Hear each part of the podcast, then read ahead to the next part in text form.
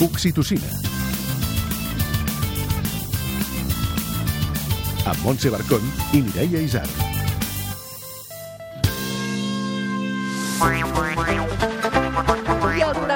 Jordi Esturgó, de l'APM de Ràdio i de Televisió, deixa de sortir al carrer per parlar-nos de la seva paternitat acabadeta d'estrenar. Ai, sí. Escolteu, els vostres fills us demanen jugar a videojocs? A quina edat podem introduir-los? Sabríeu quin triar que sigui adequat per ells? Poden arribar a ser educatius? Albert Murillo, presentador i director del programa Generació Digital de Catalunya Ràdio, ens posarà llum al tema? Sí, perquè les pantalles sempre les veiem com el dimoni Sí. i no té per què ser així. Potser. En Xavi Cazorla, a més a més, hi posa la nota d'humor que bona falta ens fa Ai, sí. El seu baconi. Com sempre, tindrem activitats proposades per les Mama Proof i les recomanacions culturals les porta Laia Falcón del Culturista. I també els fantàstics contes d'un minut de la Montmas. Tot això i més a... L'Oxitocina!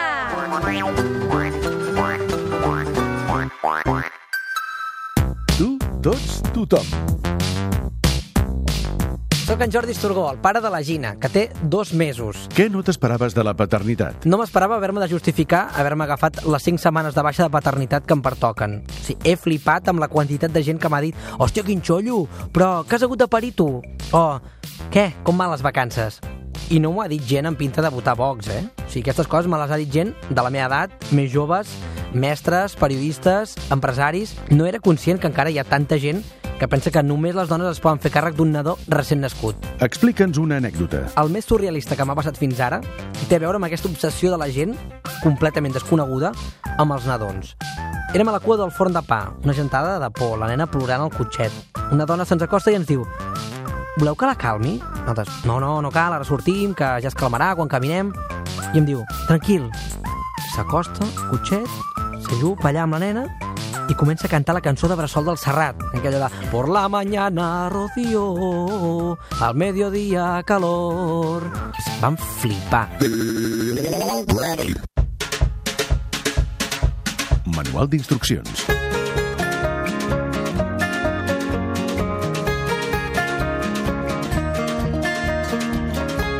Estem envoltats de pantalles. Nosaltres les fem servir a diari per múltiples motius, per treballar, per comunicar-nos, per veure sèries o escoltar música que ens agrada i també per jugar. Però quan hi poden jugar els nostres fills? Moltes vegades tenim por d'acostar-los a la tecnologia, però potser d'aquesta manera els fem anar contracorrent i els neguem uns aprenentatges i unes experiències que també els seran enriquidores. Avui descobrirem quins poden ser els primers videojocs pels nostres fills i filles acompanyades de qui més en sap. Ui, sí. Albert Murillo, què tal? Molt bé, com esteu? L'Albert és director del programa Generació Digital de Catalunya Ràdio i avui vens amb una llista de recomanacions, no? Sí, a veure, vinc... vinc uh, hosti, jo quan em veu dir de, de venir eh, és una responsabilitat perquè... Sí, quan, no, perquè quan parles de, de nens més petits del que normalment parlem quan fem el programa del Generació, que ja pensem en nens almenys de més de 12 anys, eh, doncs cap, a, cap avall eh, doncs, hi has de pensar una miqueta més. Jo tinc tres nens i, i ja he passat aquesta època. El meu gran té 12. Um, el que passa que el que crec és que aquesta època va molt bé per després. És a dir... Ensenyar-los de petits Sí, sí, perquè sí, de sí. grans controlin, no? De grans controlin. Sí, jo, jo crec que hi ha coses eh, importants i és el, eh, al- almenys el tema dels horaris, el control dels horaris. Eh, a, a, casa, a casa meva, no sé, eh, jo, jo ara eh, us Tu, tu, fes, fes, anar, deixa't anar, Jo sí, sí, volia sí, sí. posar-te la música del Mario Bros de fons, però ni em deixes. És... Sí, sí, sí, la voldré escoltar. Posem-la un moment, eh? posem-la un Ah, moment. sí, sí, sí, sí. Home, Uec. Mira, és que aquesta cançó, aquesta música del Mario, vol dir Nintendo. Nintendo és una empresa eh, que sempre dona molta confiança amb el tema nens. Eh, moltes vegades, eh, quan, jo què sé, eh, quan venen festes o quan mm, algú recomana què, què li compro al meu nen que té 7-8 anys, la Play, la tal, la Nintendo... O, de vegades no diuen ni la Nintendo. Dic, ei, um, Nintendo és una gran marca i um, penso que és un molt bona, és molt bona marca com a primera perquè arribi a, a les cases. O sigui, és com, a una consola. marca més familiar, I no? tant, Podríem dir? I tant, i on trobareu jocs Uh, molt adients per jugar uh, perquè el nen jugui i també molt adients, que això també m'agradaria parlar-ne, de jugar amb els pares. És a dir, no sempre han de jugar els nens. De, de fet, moltes vegades el que hauri- haurien de fer els nens és mirar com juguen els pares. I demanar-los, eh, doncs, escolta'm, tu qui faries aquí? Eh, anem cap a l'esquerra, cap a la dreta, etc. És una cosa que no es fa, I normalment. que acabi sent una, una activitat familiar, no? Exacte. I, una cosa, I no veure el videojoc com el nen s'aïlla, Com el, el nen o Sí. com el dimoni. No, no, exacte. O, eh, jo que sé, segur que vosaltres els hi expliqueu contes als vostres, als Sí. vostres fills. Uh, jo no ho havia fet mai, és una cosa que ho havia fet la meva, la meva dona sempre. A mi és una cosa que mai, mai se m'ha donat bé. Però jugar uh, de, en videojocs amb ells sí que ho havia fet. repartíeu els papers. Exacte, Clar. exacte. I això, uh, el tema de, dels Sí, horaris... na, en- tornem a, a, Sí. endarrere. Tu deies coses bàsiques que s'han de tenir clares abans de començar a jugar. Horaris. Jo, eh, horaris, eh, bé, jo no sé fins a, a quina edat són conscients de l'entre setmana i el cap de setmana, però mm, és bo mm, eh, explicar-los que almenys eh, a mi m'ha anat molt bé que entre setmana no juga a videojocs directament. És una bona norma. quan no super. vas al col·le. Pots jugar quan no vas al col·le, no? Sí, Diguéssim? també. Els dies de Sí, festa. Sí, sí, de, de fet, això ells ja ho relacionen. És a dir, en el moment, per exemple, a casa meva eh, juguen els divendres a la tarda, eh, dissabte i diumenge, però també eh, dissabte i diumenge juguen a una hora determinada, que és la que els pares han de parlar quina és la més còmoda. Mm, Nosaltres a, a, aquests últims anys juguen dissabte i diumenge després de dinar. Mm. Uh, matí mai, mai. De fet, és una cosa que jo sempre he tingut molt clara perquè recordo que quan jugava a videojocs de Nintendo als anys 70 o 80, una de les coses que, que deia Nintendo en els seus cartutxos de joc és no juguis un quart d'hora després, o sigui, fins a un quart d'hora després almenys d'aixecar-te. De veritat? Sí. I per, I per quina explicació? No ho sé per què, però a, a mi, jo quan llegia allò... Per donar-li temps al cervell, no? Sí, Potser per, per, per dir, ei, uh, segurament quan t'aixeques has de fer coses més importants com esmorzar, etc etc. No ho sé, jo recordo que pensava, ho deia Nintendo, doncs jo faré cas. Sí, sí, sí, Nintendo, sí. Sí, sí, sí, de veritat, eh? I, i, i bé, com que, com que és en aquesta època que les coses et queden, doncs, eh, hosti, eh, jo penso que és, és una feina important eh, eh, el fet d'intentar que no jugui a dies de col·le, com dius tu, o, o, o no sé, a moments que no toquen, com és a la nit o al vespre, per I exemple. aquests pactes fer-los abans que arribin els conflictes, no? Exacte. O sigui, no quan ja veus el teu fill allà molt enganxat, Sí. sinó abans. Quan Ja, i això no et deslliura del conflicte, Ah, però sí. va, Sí. ho, ho aminora una Però miqueta. si el dia que li regales ja es posa això sobre la taula, potser... Ah, i No? t'he de dir que, evidentment, això és la teoria i el que passa, almenys a casa meva, és que eh, cada dos per tres ho has de recordar. Nosaltres Clar. el que fem és signar contractes, fem uns contractes que pengem a la nevera amb, amb, amb, amb, bé, amb un Quina decàleg de coses. casa Sí, sí, sí. és que si no ja és un caos. Sou família numerosa, clar. Sí, sí, sí. sí. I, i, I ho fem i ho recordem perquè ells a la mínima... Però, saps, a vegades que arribo i dic, però com? Estàs jugant? Però, saps? I ells saben perfectament que un dijous no poden jugar. I això però a si vegades cola, cola. passa, a vegades passa. No pots sí. deixar ni una escletxa, eh? No, ni no, una. no, no, és, és dur, és dur, és dur Però a quina aquest. edat uh, recomanes que comencin a jugar? Que, uh, uh, perquè segurament hi ha jocs per totes les edats, trobem coses fins i tot per estimulació de bebès, Sí, sí. però tu, uh, que coneixes molt aquest món, quan creus que hi ha realment productes que valen la pena i que creus que per un nen va bé i que no interfereix en el seu desenvolupament? És que això és un problema ara, perquè s'ha universalitzat tant el tema del videojoc i cada vegada els nens estan jugant a jocs que jo penso que no haurien... eh, Bé, és que de fet, sí, eh, una cosa que recomano molt és, és que la gent tingui clar que hi ha una pàgina que es diu Pegi, que és una plataforma que és eh, eh, europea, on informen de tots els jocs, tots, quan dic tots és tots, tots els jocs que surten publicats per mòbil o, o a través de consola. Uh -huh. Tu poses uh, Fortnite, per exemple, a Pegi, Fortnite, i Sí. posa 12 anys. 12. No, 12. s'ha de jugar abans, als 12. Eh, és recomanable. Nens de 8-9 anys, n'hi ha moltíssims que Uf, estan enganxadíssims. Sí, sí, sí, el meu fill ha jugat abans al Fortnite. Uh, um, i Clar, que si fan tots els amics, no? Exacte, i això és molt complicat. Uh -huh. uh, el que, jo, per exemple, uh, i parlo molt de la meva experiència, el que, el que he aconseguit també, una cosa que, que, que realment a casa no ho he vist, és que juguin a jocs de violència explícita, és a dir, d'imatge... ex- Saps aquests videojocs que sembla una guerra de veritat? Sí. Que, que, que són el Call of Duty, jocs que són molt realistes, que són per partir, a partir de 18 anys, alguns d'ells de 16, aquests no han entrat mai a casa. Uh, el meu fill gran, que ara farà 18, em podria jugar, però no en juga. No, no el troba a faltar i no, no el vol jugar. Uh, uh, uh, per mi aquest és un tipus de videojocs, sobretot de, de la imatge de la violència real, que penso, no sóc expert, però a casa no han entrat perquè com a pare no m'ha agradat, com si diguéssim. Um, D'altres jocs com el Fortnite sí que juguen nens de menys de 12 anys perquè hi ha aquesta socialització, perquè hi ha molts nens a, doncs, a la seu curs que, que juguen, és molt difícil poder-ho controlar, um, però el, el, el Fortnite com altres jocs, el gran problema que tenen és la, la frustració. És a dir, són jocs molt frustrants, que tu quan... Eh, Fortnite és una illa on hi ha 100 jugadors i només en pot quedar, quedar un. De 100 en queda un. Mm. Uh, tu quan mors eh, s'acaba la partida i n'esperes a una altra. És a dir, el nen es frustra i quan en té 9, 8 eh, eh, o jo que sé, o 7 fins i tot, hi ha, hi ha hagut casos, doncs jo trobo que, que, que li és difícil d'assimilar això. Però això passa en tots els videojocs, perquè al final sempre Sí. et maten, siguis el Pac-Man, el Super Mario o un guerrer d'aquests. Sí, No? sí, sí, però mm, no sé, jo crec que estic pensant en el Pac-Man o en el Mario. Eh, Jo ho, ho porto a la- al nostre target, Sí. eh, perquè jo, el meu fill té 5 anys i em demana, em està demanant de El- jugar al Super Mario. el Super Mario. El Super Mario l'ha conegut, sí, l'ha, con- perquè l'ha conegut a través de Sí. XXXX i ja està. I tu m'ho demana, Que- jo no sé què fer. No, doncs, eh, doncs juga, juga tu. Juga tu, sense que em aquell- molt nerviosa, eh, Albert? Ah. ah no, fes una cosa, fes una cosa. Juga un dia a la nit, al vespre, quan estigui dormint, jugues tu, algú que t'ajudi, Uh, jo, jo puc, uh, si vols, un dia quedem Vinga, i, va, i juguem al junts. I, I després el que pots fer és jugar amb ell però que ell no controli i, i li pregunta, escolta, què faig, dreta o esquerra? Ostres, aquest em vol, no em vol matar, digues una altra cosa, no? Eh, Perquè més és que justament el Super Mario és un joc eh, molt friendly en aquest, en aquest aspecte i, i jo crec eh, que és un bon joc per començar. Veus? Sí, Mira. Sí.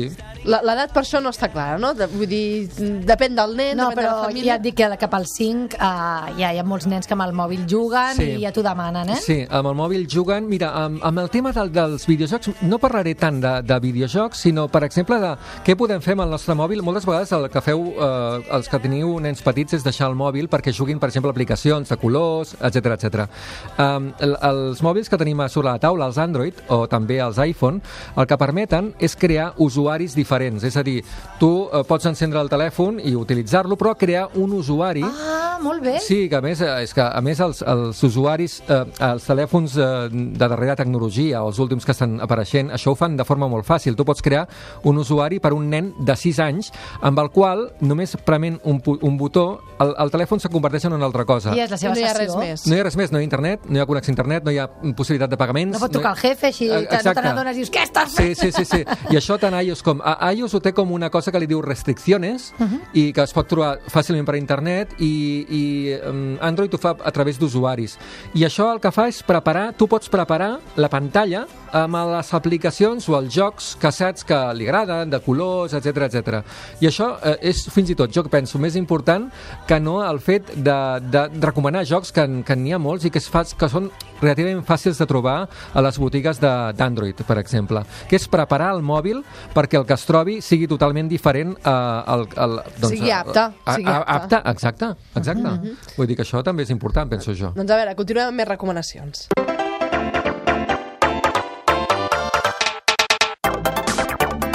A veure, eh, hem dit eh, posar horaris per triar el joc i veure si és apte o no mirar la web aquesta on hi ha el codi PEGI. Eh, pensa que, perdona, eh, el PEGI aquest eh, hi ha gent eh, molt vàlida decidint quina és l'edat de cada història, eh? o sigui, que no és eh, algú que posa la babalà al, al número, no és el desenvolupador, sinó que són persones que eh, el proven i decideixen. Uh -huh. uh, preparar el mòbil i fer un perfil apte.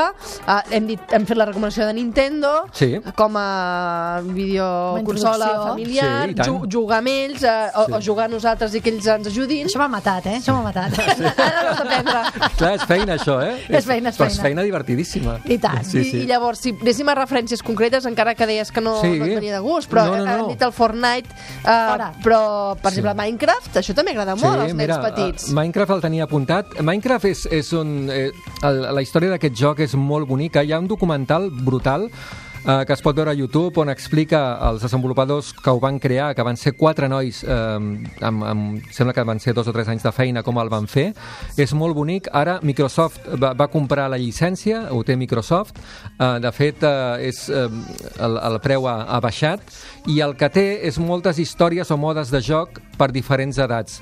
I és un joc molt creatiu i realment eh, molt transparent. Ah, És de construcció, És no? de construcció, és, és, s'adapta, o sigui, s'assembla molt a un joc de, de, de Lego, com si diguéssim, Ah, eh? i és, bé. és un joc bonic. I no et maten, vaja. No, no et maten eh, en, en diferents modes, hi ha modes que no et maten en absolut i, i de fet, eh, si aneu a YouTube i, i podeu veure el que fan els nens uh, amb aquest joc. És, uh, és molt creatiu i és brutal. I, I el que ha passat també és que als Estats Units hi ha escoles que l'utilitzen per, per ensenyar. Eh, Sí, sí, es fa servir a les sí, escoles. Sí, directament. Vull dir que aquest és un exemple de joc, eh, jo el recomano moltíssim. Eh, eh, a, a mi a casa el que m'ha passat és que és que s'ha oblidat molt ràpid. És a dir, és un joc que va tenir una vida d'uns dos anys i ara els meus fills no el volen ni veure, no, ja no els hi Que els diverteix. avorreix. Sí, Bueno. exacte. Passa pantalla, no? Exacte. Sí, sí, sí, sí, next. sí. Uh, quin altre? Mira, uh, hi ha un joc que ha sortit uh, per PC i per la Nintendo Switch que es diu Gris. Eh, és un joc que ha aparegut per... Um, l'ha fet un noi que es diu Conrad Roset, no sé si el Sí, coneixeu. que és- l'il·lustrador. és un il·lustrador. Uh, aquest noi ha fet per mi un dels jocs uh, fets a casa nostra més importants. Ha tingut, uh, va sortir el desembre. Um, se se n'han fet ressò internacionalment moltes, uh, mo molta gent, o sigui, tingut molt èxit. De fet, ha recuperat els diners que li va costar durant dos anys i mig fer aquest videojoc. Uau. Molt èxit. Uh, costa 17 euros i és preciós. Aquest és un joc eh, que és un exemple eh, per jugar amb el nen al costat. Fins i tot eh, el nen pot controlar, aquesta persona és una nena, que quan comences no, no, no hi ha lletres, no hi ha paraules, eh, el joc comença que la nena està com plorant, sembla que tingui algun problema, eh, que li hagi passat alguna cosa, i eh, es desperta en un món que és com de color blanc, eh, hi ha negre, i tu vas avançant, va caminant, i has de saltar, has de passar pantalles, però no has de, fer, no has de matar, no has de fer res, eh? en absolut. Sona gairebé poètic. És molt poètic, és, és, és que és preciós. I eh, no, no faré gaires spoilers, però el que passa és que al cap d'una estona aconsegueix un color. I el, i el, i el, el joc, eh, a banda del blanc, el negre, també té el vermell al començament. I te n'adones que, és perfecte aquesta, aquesta música, te n'adones que, que el que està buscant la nena, no sabem què és el que està buscant, però que cada vegada eh, el món eh, té, és més Té més ric. colors. Sí, sí. Aquest joc és, penso, imprescindible. Experiència imprescindible per jugar amb el teu fill, per exemple. És curtet, 3 hores 4, que pots jugar en 3-4 dies, aproximadament, i una experiència super divertida. Sona bé, sona Sí. Clar, és que si juguem amb els nens, eh, videojocs és com jugar a un joc de taula, no? Sí. Diferent, hi ha una, no és una taula, és una pantalla, però Exacte. és una experiència compartida. I hem de saber que hi ha molts desenvolupadors que fan obres com el Conrad Roset que són, um, són molt personals, és a dir, són gent que ha jugat a videojocs durant la seva vida, però um, és molt nou això, i, i són experiències supernovadoses que, que els nostres xavals han de, han de jugar perquè, perquè estem a l'època de fer-ho. Doncs vinga, l'última recomanació abans d'acabar. Una divertidíssima, es diu Overcooked, eh, és un joc que ha sortit la primera i la segona part eh, i amb el qual um, um, tu portes el control d'uns pinxes de cuina. No sé com es diu en català, això exactament. Ajudants de sí, cuina? ajudants, ajudants, exacte. I estàs en una cuina d'un restaurant amb el qual els clients estan demanant molt ràpid el menjar. Uh. Llavors, eh, poden jugar fins a quatre jugadors. Um, amb la Switch això és molt fàcil perquè pots fer els comandaments. I és un joc que nosaltres hem jugat a casa, en família. Eh, és per mi eh, un dels millors i més divertits de fer-ho. Per què? Eh, tu quan comences a jugar doncs eh, has de rentar els plats, eh, has de posar la ceba eh, al caldo, has de posar el tomàquet... Has Cada de... jugador ha de fer una cosa d'aquestes. Bé, de, al principi vas com tal, però al final, quan, quan veus que no aconsegueixes, abans de jugar, parles. Ei, a veure, a veure, abans de continuar... El menú, el sí, menú. Sí, Tu de què t'encarregues, no? Exacte, exacte. És, és al·lucinant i llavors te n'adones que quan cadascú fa la seva feina, el joc avança. Va semblar un aprenentatge. Feina És super, és super. Aquest, és, de veritat, és que és molt divertit. Overcooked. Overcooked. Hi ha una primera part i segona part, les dues són boníssimes, i per PC, per, a, per Mac i per Switch. Doncs moltes gràcies, Albert Murillo. Com ho disfrutes, un gust, Sí, eh? és que me'ls compraria tots. Ara no tinc cap, no tinc cap consola i me'ls compraria tots. Uh, doncs el podeu sentir al Generació Digital si voleu més continguts com aquest. Fins aviat. Gràcies. Gràcies. Coni. Videojocs. Home, els videojocs eren aquella mena de cartutxos que es ficaven dins una maquineta que es deia videoconsola, no? Sí, home, sí, aquell aparell que abans jo el tenia al moble i ara al seu lloc hi ha una cuineta, un munt de llibres, dos puzzles, tres peluixos i unes tovalloletes. Sí, val, val, val, val. A veure, no sóc massa entesa en la matèria a dia d'avui i ara em posaré una mica en format de tertulià de ràdio, que opina de tot sense tenir ni idea, i diré que, tot i que les meves filles encara no juguen a videojocs, diria que, d'entrada, els videojocs serveixen per educar. Clar que sí, home! Ara, la pregunta és, educar en què? En quins valors? Què pretenem que aprenguin els nostres fills? A gastar-se milions d'euros fitxant a jugadors en algun joc de futbol? Què els ensenyarà això pel dia de demà? A ser president del Barça i acabar el trullo? Que juguin a videojocs de conducció i aprenguin a conduir un cotxe com un boig i si cal traient a rivals de la pista en un joc de Fórmula 1 o de motos? Però això què els ensenya, home? Ser Ortega Cano? Que aprenguin a anar jugant i passar-se pantalles així sense sentit en un joc de passar-se pantalles? El típic aventurer que volta pel món i que va agafant objectes del terra i els fa servir. Això té una paraula i és robar. Què volen acabar sent? President del PP i també acabaran al trullo? Ah, no, no, no, aquests no hi van al trullo. Bé, tot i que ara ben pensat, un videojoc d'aquests, l'aventura gràfica aquestes de passar pantalles, d'anar recollint coses, home, potser t'ensenya el, el teu fill a recollir les joguines del menjador. Això sí que seria un puntàs, eh? Però ara, explica-li, mira, Adriana, ara que fa una hora que reculls anelles amb aquest bitxo de color blau, ara hauries de recollir els rotuladors que tens escampats per terra amb la plastilina als fulls, eh? Eh que sí? Sí, no, no, ja es veu que no té el mateix poder d'atracció. Per no parlar dels jocs d'acció i pistoles, que volen que aprenguin a matar en algun simulador de disparar. En fi, que tots aquests jocs als nens no els hi aporta res i, i potser m'estic deixant algun. Qui més queda? Els de rol. Hòstia, no, no, no fotem. Abans de que juguin a rol els apunto a clarinet. Tampoc els vull dir tan mal, els meus fills. És que ja veieu que no és fàcil. Sempre pots anar als clàssics, no? Els jocs clàssics se juguin al Pac-Man. Això estava molt bé, a l'any 90, però ara tens el Call of Duty i es veu que no és ben bé el mateix. A més, els jocs clàssics de tota la vida són clàssics i s'han d'actualitzar, perquè si poses a jugar al Super Mario de tota la vida, eh, què estàs ensenyant als teus fills? Quin valor els estàs inculcant? Salvar una pobra princesa que va vestida de rosa i que si la salves et farà un petó. Molt bé, sí, sí, molt feminista, tot plegat, clar que sí. Per no parlar de que jugant al Super Mario als teus fills els transmets la idea de que si es troben un bolet amagat han de fer el possible per menjar-se'l perquè es faran grans i forts de cop. molt bé, clar que sí. Fem una cosa, droguem-los directament. Clar que sí, al biberó els hi tirem droga, metamfetamines, de, de tot, home. Vaja, que això dels videojocs és perillós, perquè clar, quin joc és el més adient? Doncs home, per l'edat de l'Adriana i l'Abril, que són les meves filles i tenen gairebé dos i gairebé tres anys, estan en una edat que de seguida els agafa el mono a qualsevol merda d'estímul. Per tant, per elles, crec que l'ideal seria un joc que fos així amb un fons negre, sense masses personatges, avorrit, que no tingui lletres, sense gaires bons gràfics, ni música. De fet, prohibida la música, eh? Res de fotre-hi Baby Shark per aquí, eh? Baby shark Avorrit, ho he dit? Mm, Doncs molt avorrit, molt, sí. Zero estímuls visuals, zero estímuls sonors també, vaja, ni el més mínim. Això existeix? No sé, hi ha algun videojoc del Consell de la República, per exemple? Algun videojoc que el personatge sigui tan avorrit com José Montilla? Existeix això? Perquè jo hi posaria tots els meus calés allà, eh? Molt fort, eh? Per tant, el meu consell és que us veneu la consola a Wallapop, o si no recordeu en quin armari la teniu guardada, com és el meu cas, doncs deixeu-la allà i un dia els vostres fills, buscant merda i joguines per jugar, ja la trobaran i ja sortirà, eh? Ja s'exhumarà ella soleta.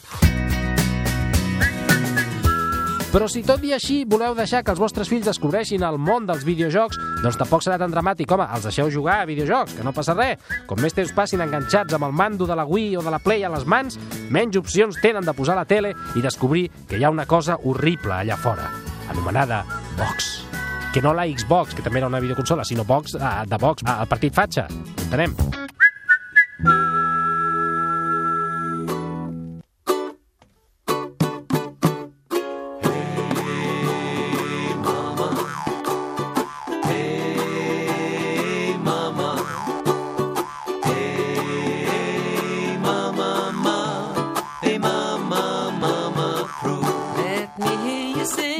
Són aquí les Mamma Proof, en aquest cas tenim la Mar Domena. Com estàs? Molt bé, moltes gràcies. Ens portes moltes cosetes? Sí, avui us parlaré de, de com si anéssim a fer un viatge al conte de Hansel i Gretel. Uau! Oh. Sunset talks, noon to walk. Didn't feel like a winter day. Explica'ns això que ens has deixat. Doncs bé, a Malgrat de Mar hi ha un parc molt xulo, que de fet per molts nens serà com viatjar un somni fet realitat. Uh, es tracta del Parc Francesc Macià, que té 40.000 metres quadrats de zones de joc per a, tots, per a totes no les te edats. l'acabes mai, eh? hi hem estat i és una meravella, és, és inacabable, està superbé, continua, continua. Bueno, la veritat és que eh, i, i nosaltres hem fet com tot un recopilatori de propostes per anar a, a fora de Barcelona però sense el cotxe. És cert que pots anar fins a Malgrat amb tren, després tens una horeta caminant, més o menys, però bueno, si no tenim cotxe val la pena. Una horeta? De, de l'estació al parc. Sí, Bé, mira, passem Eh, el dia a Malgrat. Bueno, és fer una excursió. A veure, és un parc que eh, hi ha molt, moltes zones de jocs infantil, al, alguns tradicionals i altres molt original per nens de 3 a, ca- a 14 anys, però també per menors de 3. Eh, hi ha lo típic, eh? un camp de futbol, una pista de monopatins, una taula de ping-pong, però sí que és veritat que hi ha una part de, del parc que és com tot un món de fantasia. Ai, sí. I descobriríem pues, elements quotidians eh, amb, amb mides realment gegants, com pastissos, eh, bolets, flors... Hi ha una goma d'esborrar, una sabata... I clar, això pels nens és, és el millor. I a més... molt, molt l'atenció. Bueno, flipen a, a adults i, i, i nens, perquè tu també estàs allà com, uau! És com la- l'Alicia al País de les Meravelles, Exacte, no? Totalment. una mica. I a més a més està molt ben adaptat, o sigui, té lavabos, i podem anar a fer un pícnic, i també hi ha canviadors per nens petits. Important, bé, tu. això, important. Mar, moltes gràcies. A vosaltres. Fins la propera.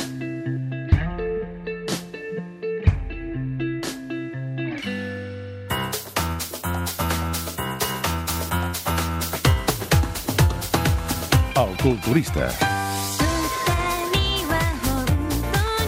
Doncs ja tenim aquí la Laia Falcón de la revista El Culturista. Què tal, com estàs? Molt bé, com si no hagués marxat.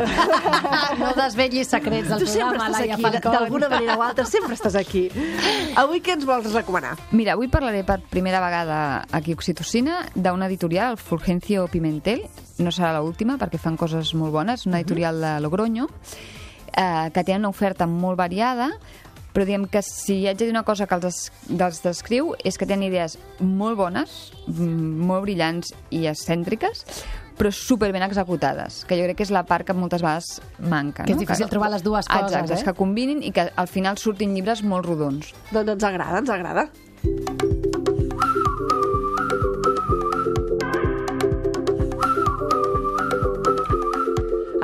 Fulgencio Pimentel, eh? No és un nom Fulgencio fàcil. No és un nom fàcil. Fulgencio Pimentel. Sembla un nom de, de García Márquez, d'un d'un personatge així. Aquest és el nom de l'editorial. El, el del llibre que us parlaré avui eh, es diu El libro del futuro. Uh -huh. Uh, el llibre és especial per, per moltes coses. És un llibre que van fundat amb un, amb un plàstic com de correus, sí. fer una idea, Uh, I quan l'obres, a dins, de fet, la primera cosa que, llege, que pots llegir és que diu que està imprès a l'Espanya al futur. I amb això et dona Uau. alguna pista de per on va. Oh, m'encantaria saber. I la gràcia del llibre és que no, no es tracta d'un llibre il·lustrat on t'explica una història, sinó que esperona els lectors a que ells expliquin qui són, què fan, què els agrada, qui és la seva família, com s'imaginen de grans, per anar omplint. Diem que d'entrada semblaria un llibre d'activitats on apuntar qui ets tu en aquest moment present. La gràcia de tot això és que després d'aquesta feinada que has fet d'escriure amb diferents activitats creatives, els autors i l'editor, el Fulgencio Pimentel, et llancen una darrera proposta, que és, en comptes de desar aquest llibre a la prestatgeria, prestatgeria, el col·loques un altre cop al sobre amb el que venia, el tanques, l'amagues a un lloc que només coneguis tu i ens escrius un correu, o correu o via postal, informant a l'editorial on has amagat aquest llibre. I l'editorial es compromet d'aquí 15 anys a dir-te on està el llibre. Per trobar-lo i ajudar el teu jo futur a recordar qui era el teu jo anterior. Quin exercici tan bonic. Sí. I, o sigui, m'encantaria fer-ho. Fes-ho, Laia, no fes-ho. temps.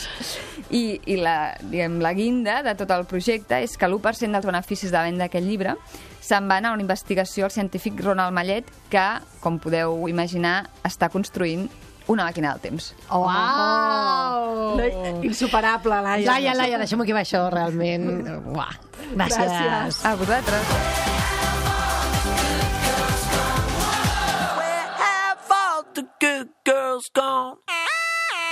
Whatsapps desesperats. Ens passem mesos i fins i tot anys pensant a veure si algun dia marxarà del llit comú per iniciativa pròpia. I el dia que això arriba, oh, plores pels racons i esperes que torni. Fins i tot el convides ah, que vols dormir amb nosaltres aquesta nit.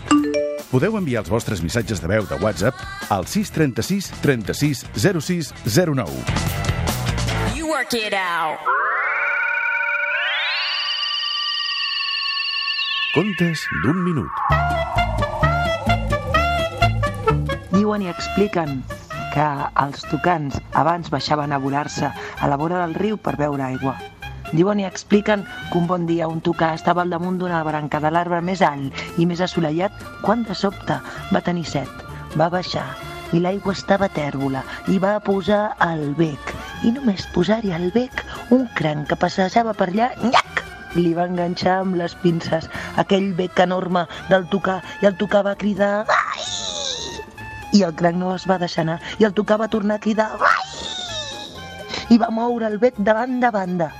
Al final, el cranc va sortir disparat. Diuen que el tocar va pujar de tot d'aquella branca tan alta i va decidir que no tornaria a baixar mai més. Diuen que cada vegada que tenia set començava a moure el bec i a cantar. I diuen també que així obria quan la pluja queia en aquell enorme bec. També diuen ara que els nens i les nenes allà, a l'Amazones, saben que quan el tocar canta, aviat plourà. I ara l'Elisabet Pedrosa, de l'Ofici d'Educar, ens ha deixat un missatge.